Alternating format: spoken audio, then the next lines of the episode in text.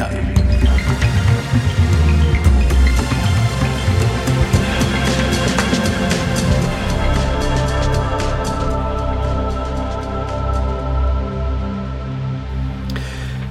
Česa se spominjamo, ko se spominjamo preteklosti? Uspehov, zmag, triumfov, gotovo. Toda življenje, kot še predobro vemo, pomembno zaznamujejo tudi zmote, porazi, tragedije in katastrofe. A teh se, tako se vsaj zdi, v splošnem spominjamo precej bolj obotavljivo. Pa tudi, če v javni prostor že umestimo kak spomenik ali odkrijemo komemorativno ploščo, ki naj bi služila kot opomnik na trpljenje generacij, ki so šle pred nami, nikakor ni nujno, da bomo dovolj pozornosti namenili premisleku, kaj natanko naj bi to ali ono obeležje skušalo obvarovati pred pozabo.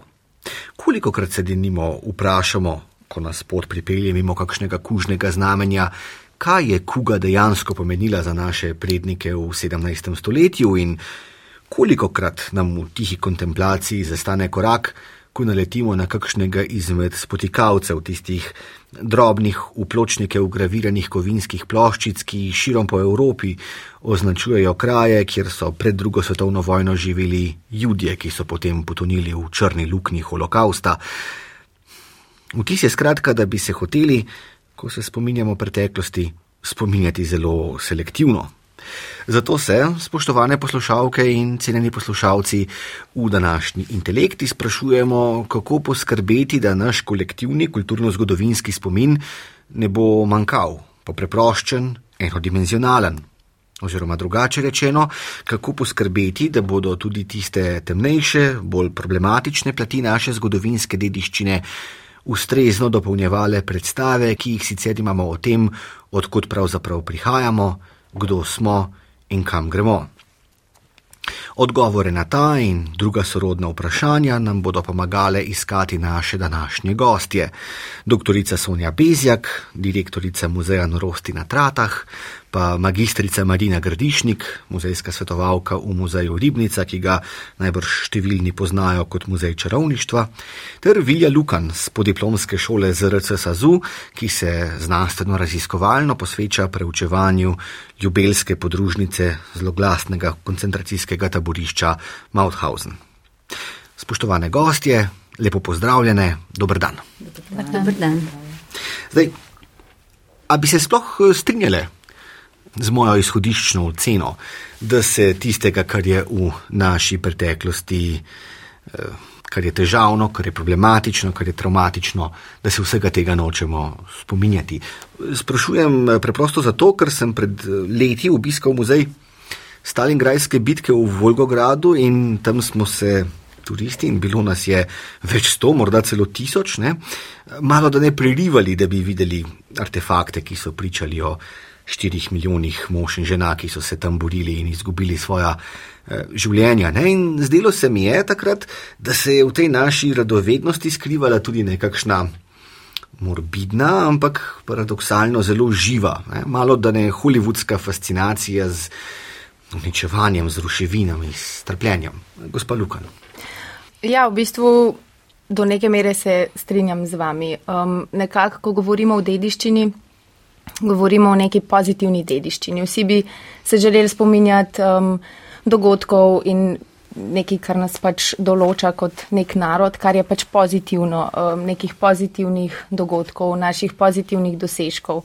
Zdaj tisto, kar se je pa dogajalo, kakšne grozote, um, neprijetni dogodki, kar v bistvu tako nekako spodbuja neke uh, slabe spomine, travme, to bi pa želeli na nek način v bistvu potlačati. In ravno s tem se v bistvu ukvarja ta težka dediščina. Um, zdaj, zakaj sem rekla, da se delno strinjam? Zato, ker se pa v teh časih vedno več v bistvu govori tudi o tej težki dediščini. Uh, se poudarja no, tudi te temne plati zgodovine. Zdaj vse to mal zveni mogoče, um, da ima neko tako negativno konotacijo, težka dediščina, temačna dediščina. Um, in v bistvu včasih najbrž je to tudi res tako bilo, zdaj pa vedno bolj, ko se raziskovalci s tem ukvarjajo, um, se ta konotacija v bistvu pač zgublja in se preprosto govori o neki o nekem delu zgodovine, torej tem delu zgodovine, ki je temačen v smislu, da so to bili neki težki dogodki, neka težka obdobja zgodovine. Gospa Bezjak. Ja, jaz bi tudi nekako rekla, da verjetno le deloma drži oziroma drži v določeni meri in nekako za vse ljudi in skupnosti, na kateri se želimo, želijo spominjati, predvsem pa, da se določeni vidiki zgodovine ali zgodovinski dogodki ne pozabijo in se mi zdi, da je to zelo pomembno. Seveda je pa pomembno, kako se spominjamo takih dogodkov, procesov nekih okoliščin, um, kako nek spomin predstavljamo drugim. Zdaj, če govorimo o težki, težavni dediščini, govorimo seveda tudi o prostorih, um, recimo na kratko bolečine, sramu, uh, kar pomeni, da moramo tudi nekako biti občutljivi, predvsem pa spoštljivi. In uh, tega je predvsem se je treba zelo zavedati, zlasti tisti, ki smo si nadeli to odgovornost, da želimo o teh temah govoriti. Um, in uh, mislim, da kadar govorimo o odgovornosti, je tudi zelo pomembno, da pogledamo, kakšno poslanstvo si je neka skupina ljudi ali pa neka ustanova, organizacija uh, nadela, torej kakšno poslanstvo želi opravljati in v sklopu tega presojamo, ali je o nečem smotrno, pravilno govoriti ali je bolje, da tega na tak način sploh ne predstavljamo. Razumem, gospod Gradišnik. Moje sogovornice sta v bistvu že povedali kar nekaj povdarko. Jaz bi mogoče pa tudi to, ko ste lepo navezali, tudi da je mogoče kar mal hollywoodsko. Včasih se mi zdi, da danes, ne, ko živiš, se, to je neka taka tudi človeška narava, da doskrat nekaj, kar se je zgodilo, če jaz govorim pravzaprav ravno o čarovniških procesih, se ti zdi to kot daljeno, kot da to nima nič s tabo. Greš gledati malo mogoče bolj z neko drugo distanco, s tem hollywoodskimi filmi ali pa z neko to predstavo, se pa vsa ta zgodba sploh postavi, kot da je to nek film, ki se nekje odvijal in ni to resničen. In mogoče tudi zaradi tega. Čist na drug način kot obiskovalec, kot ste vi rekli, ne, ko ste bili eh, ta bitka za Stalingrad, ne, v bistvu čist drugače ne vzameš v zakup ti kot sam obiskovalec te smrti, trpljenje, šele potem res, zato je pa to, kar je tudi uh, bilo zdaj rečeno, ne, zelo pomembno, na kak način se to predstavi, da tebe kot obiskovalca res nagovori, oziroma zelo pomembno je to tudi, kar je bilo rečeno, da potem za interpretacijo ti, a ne v muzej, ko imamo to odgovornost, dejansko približaš, da delaš usporednice, a ne. Recimo za današnjim časom, da se nekomu recimo v vodstvih, ko vodimo po čarovniški razstavi, da si lažje predstavljajo čas pred 300 leti z usporednicami, ki jih vlečeš danes, ne, v današnji čas. V tem kontekstu, ne, gospod Grdišnik, me zanima še tole. Ne, zdaj, pred eh, koliko 20 in nekaj leti ne, so bile najbolj vroče knjige na svetu tiste o Harryju Potterju, ne, ki so, tako si predstavljam, seveda eh, močno povečale interes za vse, kar je povezano s čarovniki, čarovnicami in čarovništvom. Ne. A, lahko muzej reče, dobro, ne mara sicer popularna kultura tukaj nudi neko zelo simpatično podobo, coprnije, ne?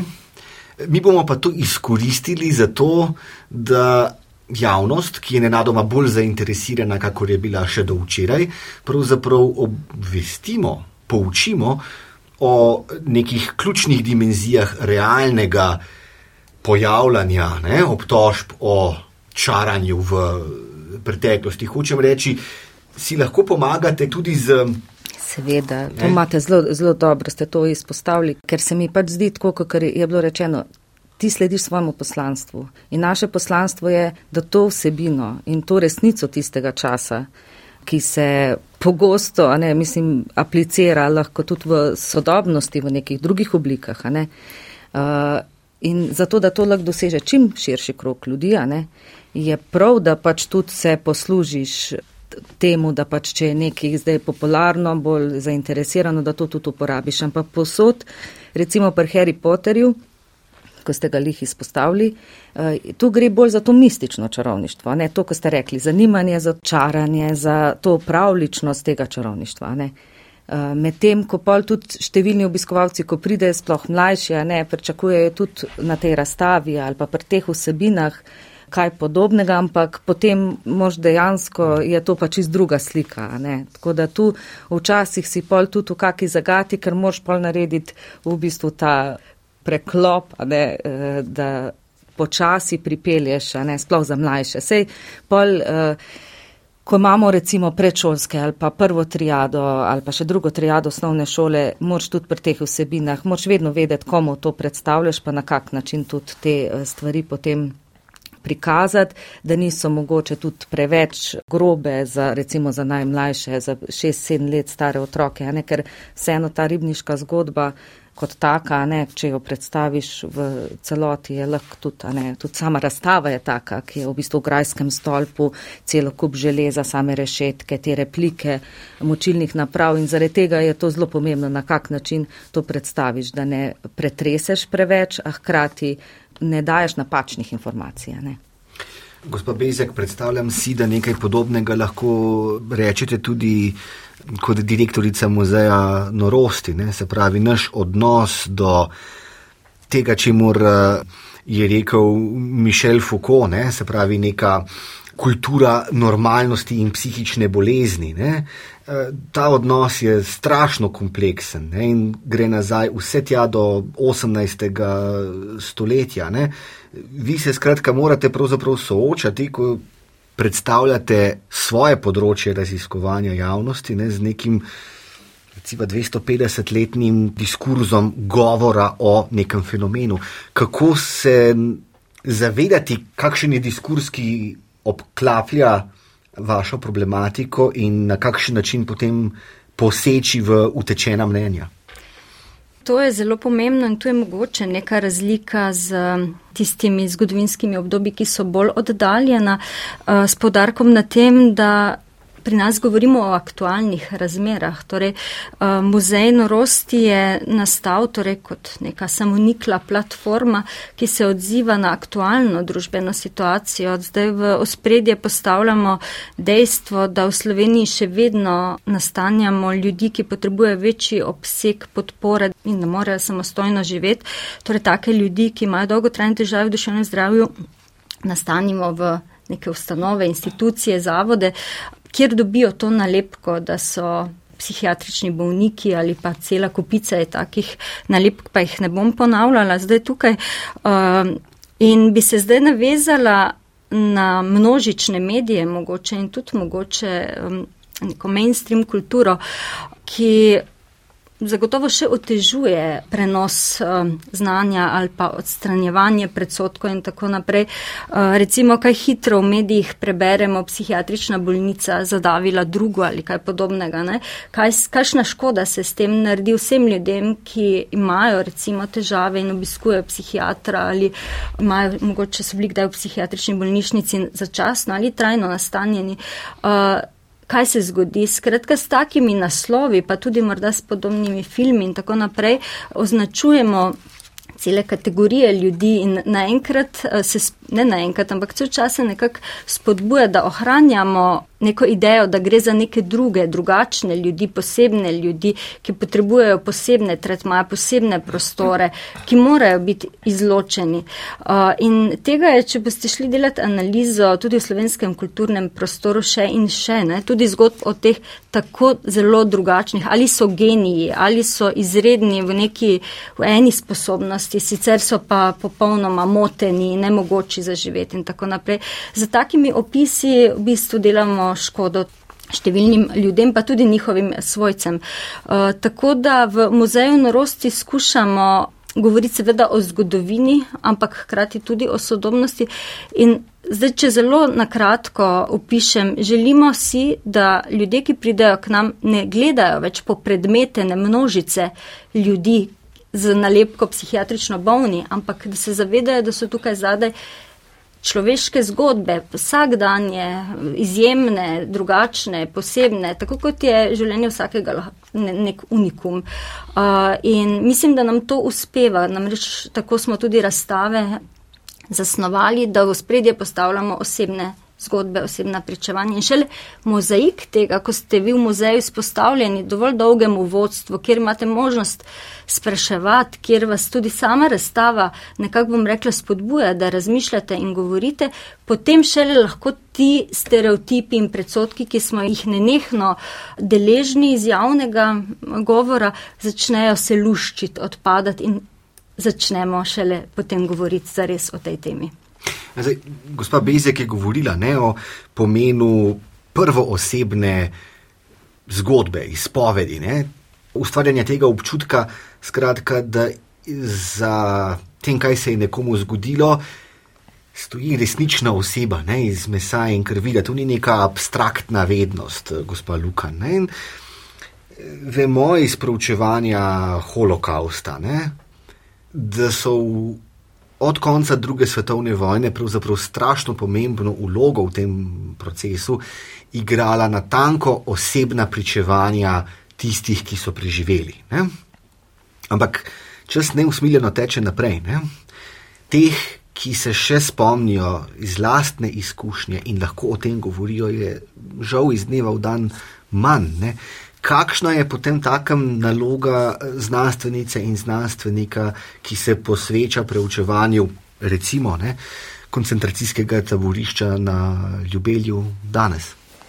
Ja, v bistvu se zelo strinjam s Sonjo, da je nekak, um, da so te osebne zgodbe res izjemnega pomena. Pač s tem se res lahko ljudem prikaže neko temo na drugačen način, kot samo z nekimi pač dejstvi, zgodovinskimi, ki so sicer tudi nujno potrebni, ampak prav ta ustna zgodovina, pripovedovanje osebnih zgodb, življenjskih zgodb je pač um, res, res pomembna. Um, In tako kot ste rekli, ja, v bistvu druga svetovna vojna je vedno bolj oddaljena. Generacije, ki prihajajo, v bistvu ne bodo imele več nobene povezave direktne s tem, kar se je dogajalo. In jim bo to vedno bolj zgodovina, zgodovina. Um, in s tem smo se veliko ukvarjali, tudi ko smo na Ljubelju v Tržiškem muzeju postavljali tisto razstavo, kako zdaj v bistvu mlajšim, vedno mlajšim generacijam približati to zgodovino, te dogodke ki so se pač dogajali, da bodo oni to posvojili in vzeli pač kot za svojo zgodovino in da se bo to prenašalo naprej. Um, ker tem, ki so vojno preživeli, potem njihovi svojci, te so se redno vračali v bistvu na te prostore spomina. Um, večinoma so govorili o tem, da se to ne bi pozabilo, zdaj je pa pač na nas, ki se s tem ukvarjamo, da to res posredujemo pač naprej mlajšim generacijam. In v bistvu pač izkoristili smo vse te preživele, ki so pač bili pripravljeni dati izjave, intervjuje, v bistvu njihove življenjske zgodbe se je zapisali, um, se jih je posnel, tako da se lahko v bistvu to uporablja pač v te namene, bodi si razstavljanja, um, kakšni naredijo potem filme in podobno. Ampak da se pač čim več tudi te osebne zgodbe predstavlja, da se jih pač uporablja. Um, ker pač s tem se v bistvu ljudi najbolj dotakneš. Zdaj, gospa Grdišnik je prej govorila o tem, kako zelo pomembno je, ne, da vsakič znova, ko dobiš eh, novega obiskovalca, novo obiskovalko, novo skupino obiskovalk in obiskovalcev, ne, da premisliš, kdo ti ljudje so in kako. Nekako zastaviti ne, eh, eh, gledišče, z katerega boš jim omogočil razgled na problematiko, kako se modificira od primera do primera vaše delo v muzejih, gospa Lukan, gospa Bezjak. Ja, tako kot ste oba rekla, v bistvu vsak obiskovalec pride tam z nekim, pač z nekim razlogom. Vsak ima nek svoj razlog, zakaj pride na nek ta prostor spomina ali pa recimo prostor težke dediščine, kot smo že prej omenjali. Zdaj, bodi si je to izobraževalni vidik, um, eni pridejo kot turisti, kot ste tudi prej omenili, da ste šli vi v tisti muzej. Um, nekateri pridejo zgolj iz radovednosti, nekateri se pridejo tja spominjati. In zdaj, kot pač ali nek vodnik, kustos, kakorkoli, nek, nekdo, ki pač podaja te informacije, to vsebino, je potrebno res uh, ugotoviti, čeprav je to težko, te namene obiskovalcev, zakaj so oni v bistvu prišli na ta prostor. Um, in na ta način je potrebno potem v bistvu tudi podajati, interpretirati v bistvu te vsebine. Um, kot je rekla tudi Marina, v bistvu šolskim skupinam seveda je treba prilagajati tudi vodenje na, za, za mlajše skupine, za starejše. Zdaj, so to neki uh, res upokojenci, ki so pač živeli tudi takrat med drugo svetovno vojno, v mojem primeru recimo, um, ali so to neki svojci, ali so to pa zgolj samo turisti, ki so prišli recimo po športnem dnevu na ta prostor in so samo prišli tja zgolj iz pač radovednosti.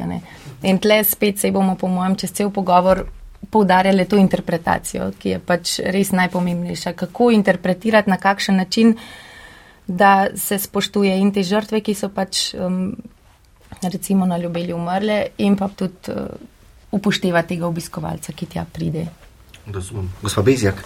Ja, zdaj pri nas nekako ločimo med različnimi obiskovalci, ne samo pri tistih, ki jim podajamo vsebino, ampak so zelo pomembni za nas tudi tisti, ki pridejo ta prostor spominjanja, da bi pričali. Uh, torej imamo še žive ljudi. Uh, zdaj, če se nakratko omejim na te, recimo so to svojci, nekateri so kot otroci obiskali mogoče starega strica, teto, kakšnega brata, sestro. Uh, in zdaj, ko so zvedeli, da je ta grad ponovno odprt, da si je mogoče ogledati te prostore, pridejo, da bi videli, kje so njihovi svojci živeli. Prej ni bilo mogoče vstopiti v sobe, v sanitarije, videti, kako torej so živeli njihovi bližnji. Um, Potem imamo ljudi iz okolice, ki niso delali v tem zavodu, ampak so enako kot otroci, naprimer, obiskali zobozdravnika ali kakšno drugo storitev, naprimer, nastopili na kakšni proslavi. Um, in za obe te skupini ljudi velja, da jih lahko zelo prizadene, ko stopijo v ta prostor. Um, potem nekako ne več sprašujejo, mi nismo tisti, ki bi razlagali, ampak smo tisti, ki poslušamo. In uh, tukaj treba biti seveda zelo tudi uh, spoštljiv, pozoren, občutljiv. Recimo se je zgodilo tudi v nekaj primerih, da ljudje niti niso želeli prestopiti v sam prostor, so ostali na dvorišču in predvsem razlagali. Uh, potem so zelo pomembna skupina seveda tisti, ki so nam obširna pričevanja nekako zapustili, mogoče še danes, ki je delajo v kakšnem zavodu, pa sproti, ko pridejo na obisk, ker sami spet povedo, kaj se še danes dogaja in podobno. Uh, drug uh, sklop obiskovalcev, če lahko tako rečem, so pa tisti, ki pridejo izobraževanje, to so zlasti študentje. Uh, z njimi delamo zelo poglobljeno, torej to so recimo najmanj tri urne. Torej, vodeni ogledi in potem tudi delavnice. Zdaj, Kje je ta dodana vrednost? Recimo v učnih programih seveda govorijo o konceptih, spoznavajo, kaj pomeni marginalizacija, stigma, predsotki, um, duševno zdravje in tako naprej, vendar ni časa, da bi lahko poglobljeno te stvari premislili. Tukaj pa na nekem konkretnem praktičnem primeru, konkretnem prostoru uh, vidijo, zaznajo, začutijo, kaj pomeni biti zaprt celo življenje v neki kvadraturi skupaj živeti z še 20 drugimi ljudmi v enem prostoru kaj to pomeni totalna ustanova. Zdaj, to je primerno za študente, ki so že usvojili neke koncepte. Za dijake to seveda spet moramo prilagoditi. Uh, za dijake tudi naredimo da skušamo jih še veliko bolj involvirati, kako pa oni sploh razumejo norost, kako sami pojmujejo duševne stiske. Upeljujemo eh, tudi eh, več, bom rekla, takih kreativnih momentov, da lahko tudi sami izrazijo, ker ne znajo s koncepti, recimo, ampak lahko pa mogoče nek, skozi nek drug kanal povedo, kako oni vidijo te stvari. Potem so pa, ko ste že vsi omenjali, tukaj seveda še turisti, ki smo jih prav tako zelo veseli. Uh, namreč turizem ni samo tisto, da se zabavamo in veselimo, ampak da se lahko znotraj tega tudi kaj naučimo in veliko ljudi uh, radi grejo na takšne obiske, da si torej razširijo obzorja, uh, da spoznajo tudi mogoče neke ne najbolj vesele plati, ampak.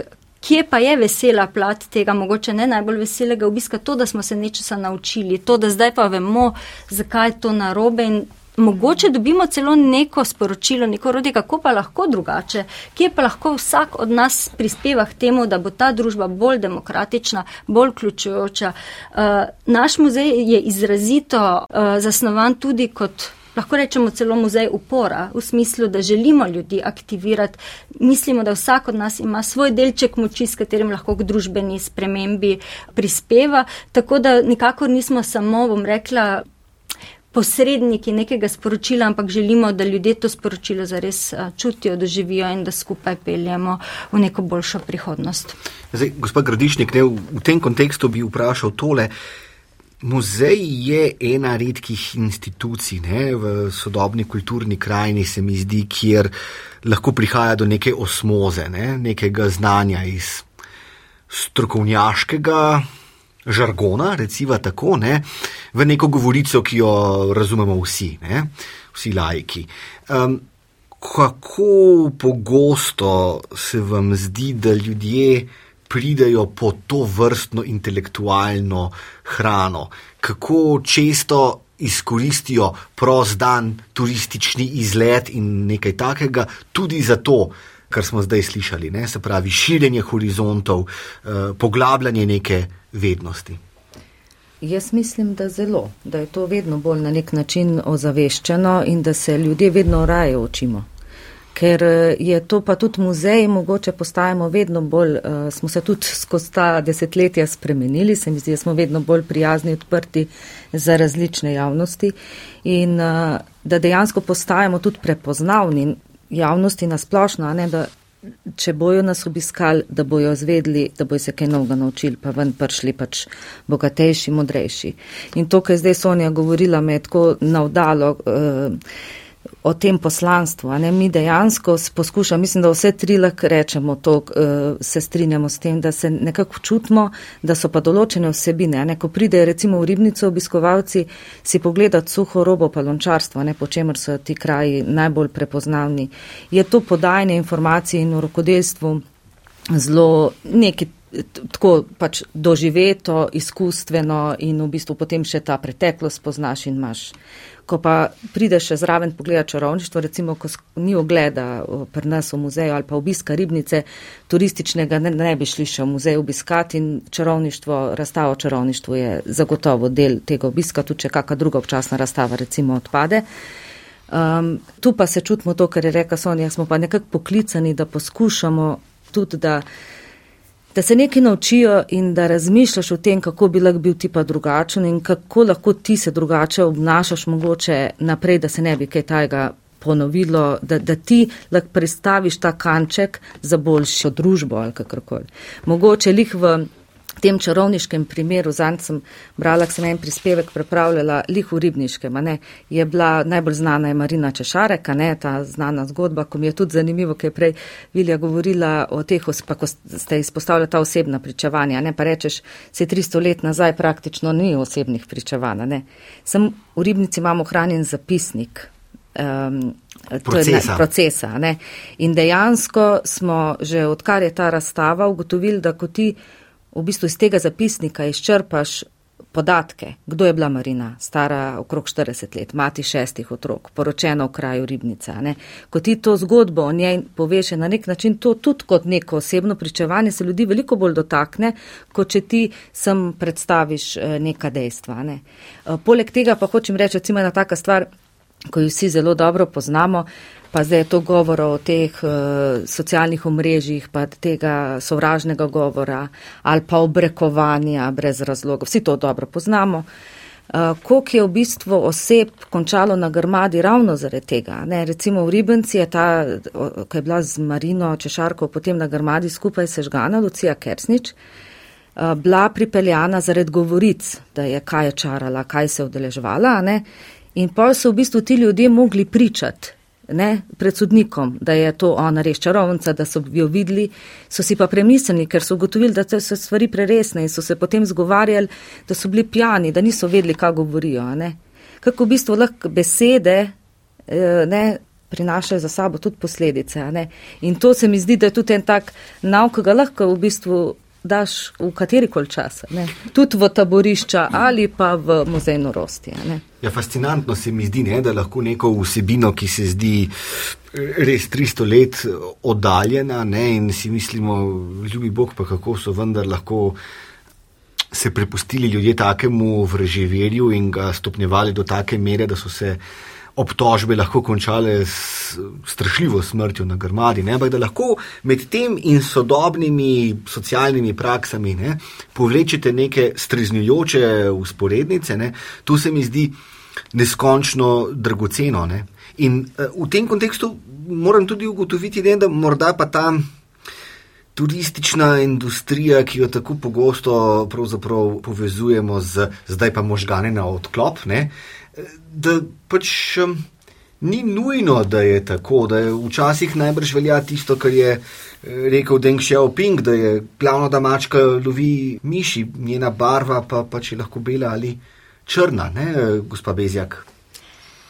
Zdaj smo seveda spet izhajali iz naše konkretne uh, izkušnje, kjer um, je predvsem pomembno, da smo si kot kulturni delavci nadeli to nalogo, da govorimo z ljudmi o temah, ki so sicer bolj strogo zamejene ali pa odrinjene v neke bolj strokovne prostore, um, kjer z njimi delajo bodi si psihiatri, socialni delavci, psihologi in tako naprej, so pa te teme zelo izrinjene iz običajnega življenja ali pa spet zaprte za štirimi zidovi in o njih ne upamo spregovoriti v službi, s prijatelji, s sosedi in tako naprej, ker bomo na hitro označeni za nore.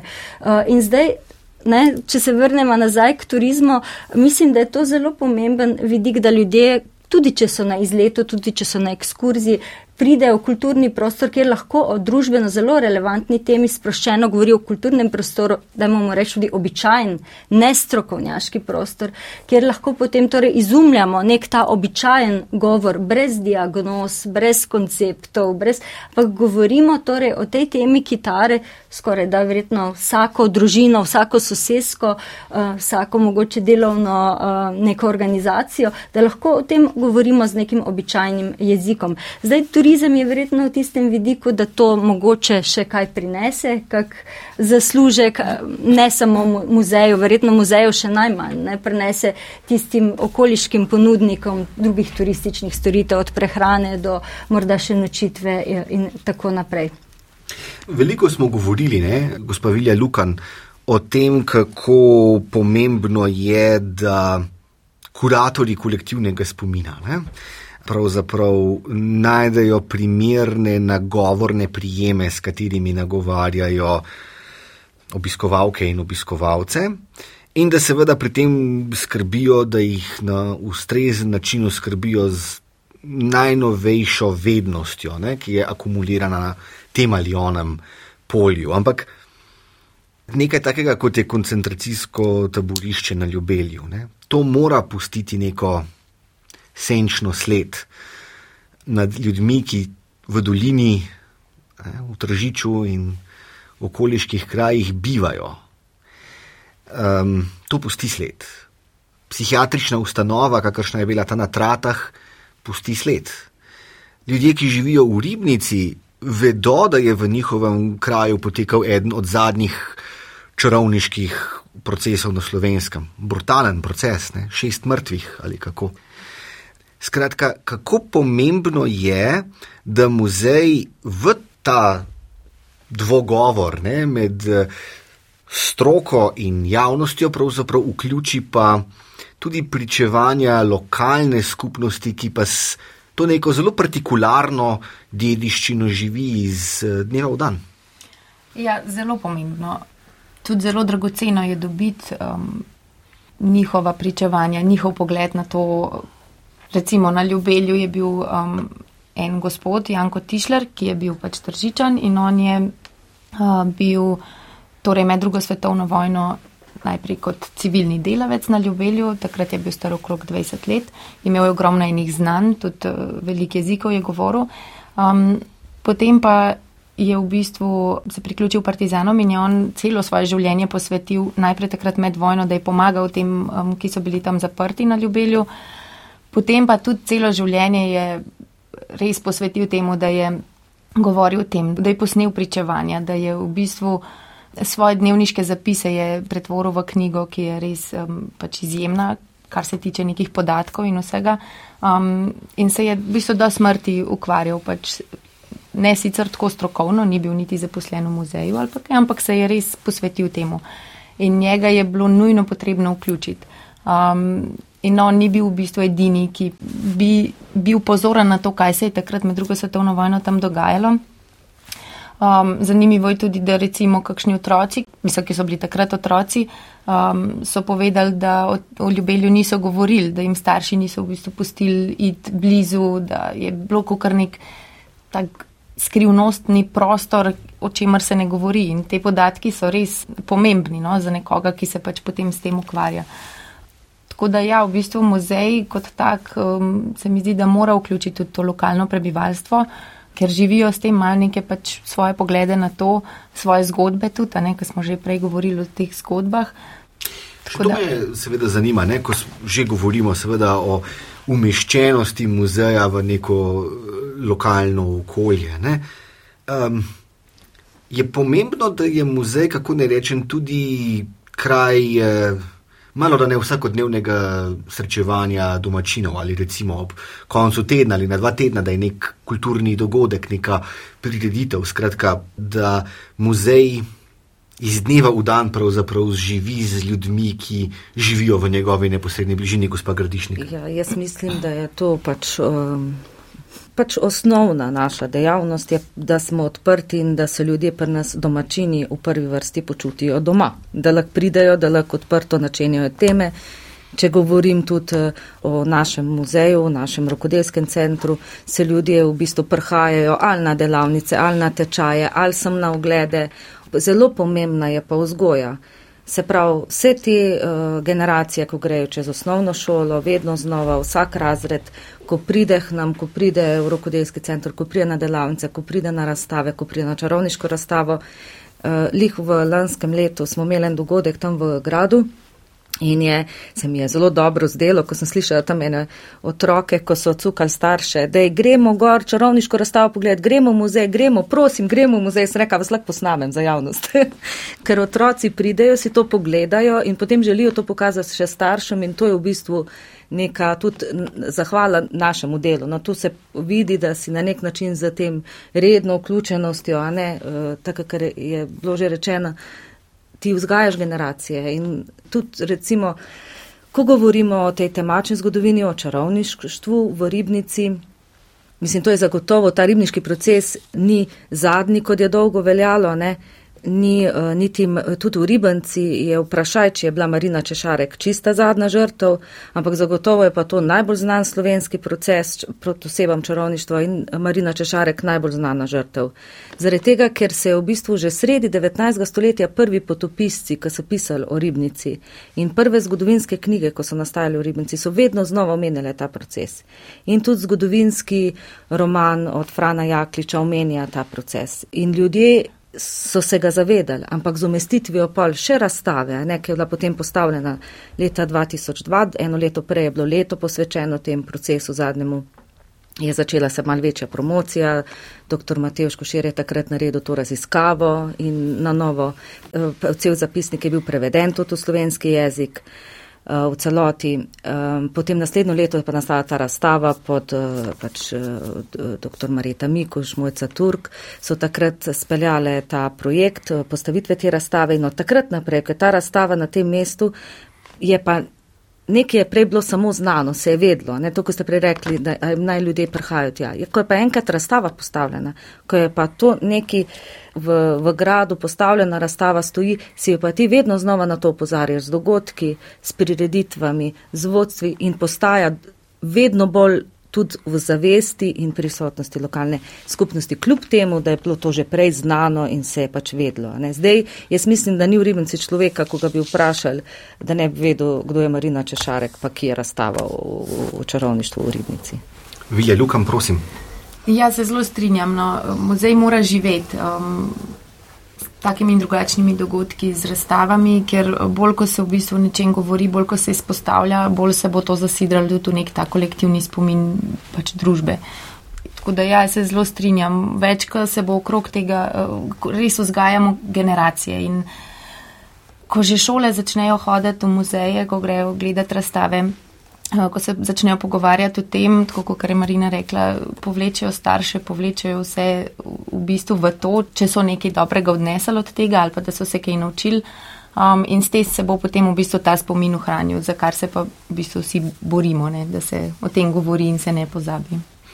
Eh, doktorica Bezjak, prosim. Ja, eh, skratka, muzej norosti je umeščen v grad Cmurek na Tratah. V tem gradu je od leta 1949 do 2004 deloval Zavod za duševno in živčno bolne. In eh, ta grad je seveda zelo zaznamovan z to temo. In ko je bil prazen od 2004 do 2013, je bil kot ena črna luknja v kraju, okoli katere je bila predvsem negativna konotacija, nekako ni se vedlo, kaj s tem gradom, ki je velik, impozanten, v dobrem stanju v primerjavi s številnimi drugimi, eh, hkrati pa obremenjen s to težo zadnjih. Um, desetletji in uh, ta muzej smo ustanovili domačini, zdaj če se vrnem na domačine, na okoliško prebivalstvo, sami smo uh, se zazrli v to črno luknjo in si oprtali to breme, da ne bomo gledali stran, ne, torej ne sanjamo tako kot nekateri z mal bolj oddaljenih krajev, da naj že vendarle pride nek bogataš, ki bo to spremenil v luksuzen hotel, ampak želimo živeti pravzaprav naprej še s temi zgodbami in jih nekako ohranjati, predvsem zato, ker to ni samo zgodovina našega kraja, Trat, kjer so številni domačini celo svojo delovno dobo oddelali, zaslužili pokojnine in tako naprej, uh, ampak je zgodba cele Slovenije. Uh, namreč sem so pošiljali uh, ljudi od Ajdoščine, Kočevja, Bleda, Jesenic, um, Prekmurja. Skratka, to je naša skupna preteklost, o kateri zelo malo vemo in je prav, da se z njo danes in tudi še jutri uh, ukvarjamo. Uh, seveda je pa se tukaj razlikujemo zdaj vse tri. Um, ki sedimo za omizjem, potem, da ta muzej po desetih letih še vedno nekako pri življenju držimo prostovoljci. In to se mi zdi pomembno povedati, zato ker um, Izvajamo zelo veliko programov za vključevanje različnih javnosti, o katerih sem že govorila, eh, pa zaenkrat eh, še nismo uspeli pridobiti eh, v bistvu podpore države ali pa občine in se mi zdi, da je prav, da tudi na to apeliram, ne samo kot direktorica muzeja, predvsem pa imam dovolj poguma, da to izrečem zato, ker so to zahtevali že številni obiskovalci, ki so pri nas nekako bili, se na lastne oči prepričali in vedo, zakaj je tak muzej pomemben. In eno smo domačini, drugo je pa tudi odgovornost oblasti do takih kolektivnih spominov in odprave krivic. Ja, upajmo, da nas kdo na pristojnih ministrstvih posluša. Preden zaključimo z našim današnjim pogovorom, bi vas uh, vprašal še tole. Nekoliko bolj načelno vprašanje, ampak se mi zdi, da smo prav zdaj le pravzaprav trčili oben. Namreč, kdo vse ima besedo pri tem, kaj si ta ali ona skupnost uh, zapomni ne? in kaj pozabi, na, na kakšen način, v kakšni luči si hočemo zapomniti, kar si zapomnimo in kdo vse poleg muzejev, je seveda lahko tukaj varuh nekega celostnega, ne pohabljenega, ne priškrnjenega spomina. Prosim, gospa Gradišnik. Nekaj ostane samo, ne? pač na površju nek spomin, ki gre iz prekustnega izročila, zagotovo naprej.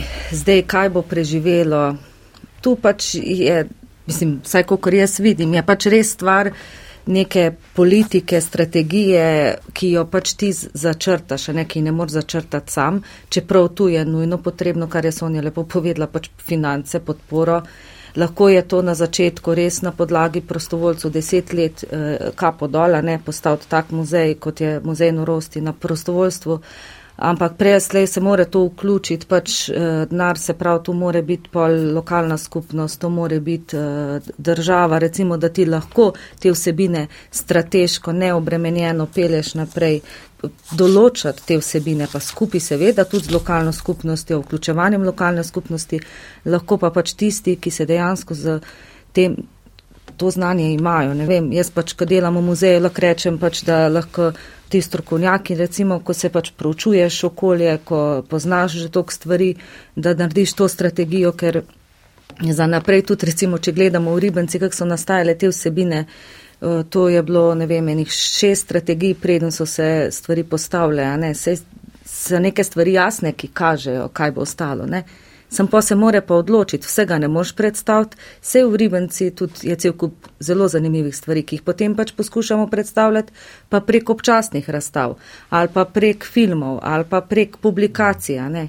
Ampak vse to, da na nek način ti tvoriš neko celoto spoštovanja do okolja in njegove preteklosti, pač more biti neka strategija, ne? ker more, ti moraš na koncu vedeti, kaj želiš v bistvu okolju dati. Razumem, gospod Lukan. Zdaj spomin, to, kar si bomo zapomnili, zdaj, vsak ima nek svoj individualni spomin, ampak um, tle se mi zdi, da bolj govorimo širše, no? nek ta kolektivni spomin ali pa družbeni spomin, um, ki pa je zelo skonstruiran. No? V bistvu je odvisen od časa, v katerem živimo, um, kdo je na, na poziciji, od družbenega sistema, od uh, politike. Um, veliko, veliko vlogo tukaj imajo pa mediji. No. Um, se mi zdi, da se malo smo se tega že dotaknili, kar se več poudarja, to si bomo bolj zapomnili. In, um, mediji imajo ogromen vpliv na to, no, kaj si v bistvu o nečem pač zapomnimo, kako si zapomnimo, kakšno mnenje si ustvarimo o tem. Se v bistvu je to tudi zelo nezavedno, pač vsak posameznik eh, ni nujno, da se zaveda tega, da si ga v bistvu nekako skonstruira. Um, velikrat tudi potem se spomniš stvari, se ti zdi, da se jih spomniš, čeprav jih sploh nisi doživel zares, ker si pač o nečem toliko poslušal, um, toliko bral, tuk si bil upet v to, da se ti zdi, da je to tvoj lasten spomin, pa v bistvu ni. Tako da tle se mi zdi, da imajo no mediji zelo veliko, um, zelo veliko vpliv, veliko vlogo igrajo. No. Gospod Bezek, zadnja beseda v današnji oddaji je vaša. Ja, jaz uh, bi začela z dezinstitucionalizacijo besedo, ki je še nisem danes izrekla, pa bi jo morala. Torej, ko smo muzej ustanovili, smo v poslanstvu zapisali, da želimo aktivno prispevati k dezinstitucionalizaciji oziroma procesu razustanavljanja takih velikih totalnih ustanov, kakršna je bila na tratah uh, in je doslej tudi prva in še vedno edina, ki jo je ta država zaprla in torej naredila en civilizacijski korak. Uh, in, uh, Seveda na, v, v, v strokah, v znanosti povsod je jasno, da je to nujno in tudi eh, pomeni, eh, če tega ne sprovedemo, da nekako kršimo človekove pravice ljudi. Ampak kako torej zdaj to sporočilo prenašati, da ne bomo videti pristranski ali pa da smo eno stran zamovčali ali pa uh, ne, naš pristop je bil, da smo se pogovarjali z zelo različnimi, um, torej bom rekla, ljudmi, ki so bili s tem zavodom na tratah povezani, od tistih, ki so živeli v tem zavodu, do njihovih svojcev, do sosedov, eh, zaposlenih, zaposlenih na različnih eh, pozicijah, od strežnic, eh, kuharic, socialnega delavca, ki se je zaposlil okoli leta 1985, šele eh, medicinskih sester in tako naprej. In če greste danes skozi ta muzej, tudi če vam bodo prej eh, na najvišjih ravneh odločevalci odločili, kako pa institucije, vsaj nekaj njih vendarle rabimo, sem prepričana, da boste po dveh urah, ko se boste vsemi temi pričevanji soočili, vedeli, da institucije nikoli ne morejo biti dobra rešitev za ljudi, ki potrebujejo podporo. Tako da uh, se mi zdi, da s tem, da smo res um, pokazali to različnost, torej pobrali poglede uh, ljudi z različnih položajev, uh, ki so vstopali v ta zavod z nekimi različnimi nalogami ali bili tja nastanjeni, da smo pokazali, da je to nespremljivo. No? In če gre to sporočilo uh, naprej, jaz mislim, da gre, smo opravili svoje ali pa opravljamo svoje poslanstvo. Ja, muzej je, čeprav si ne mara kdo misli tudi drugače, absolutno živa institucija, uh, živa ustanova, ki dela naše življenje tu in zdaj uh, bogatejše, intrigantnejše, znosnejše. Spoštovane gostje, najlepša hvala seveda za tale pogovor in uh, za vsa pojasnila. Hvala vam, hvala sreč. Vam, spoštovane poslušalke in cenjeni poslušalci, pa seveda najlepša hvala za pozornost. Srečno!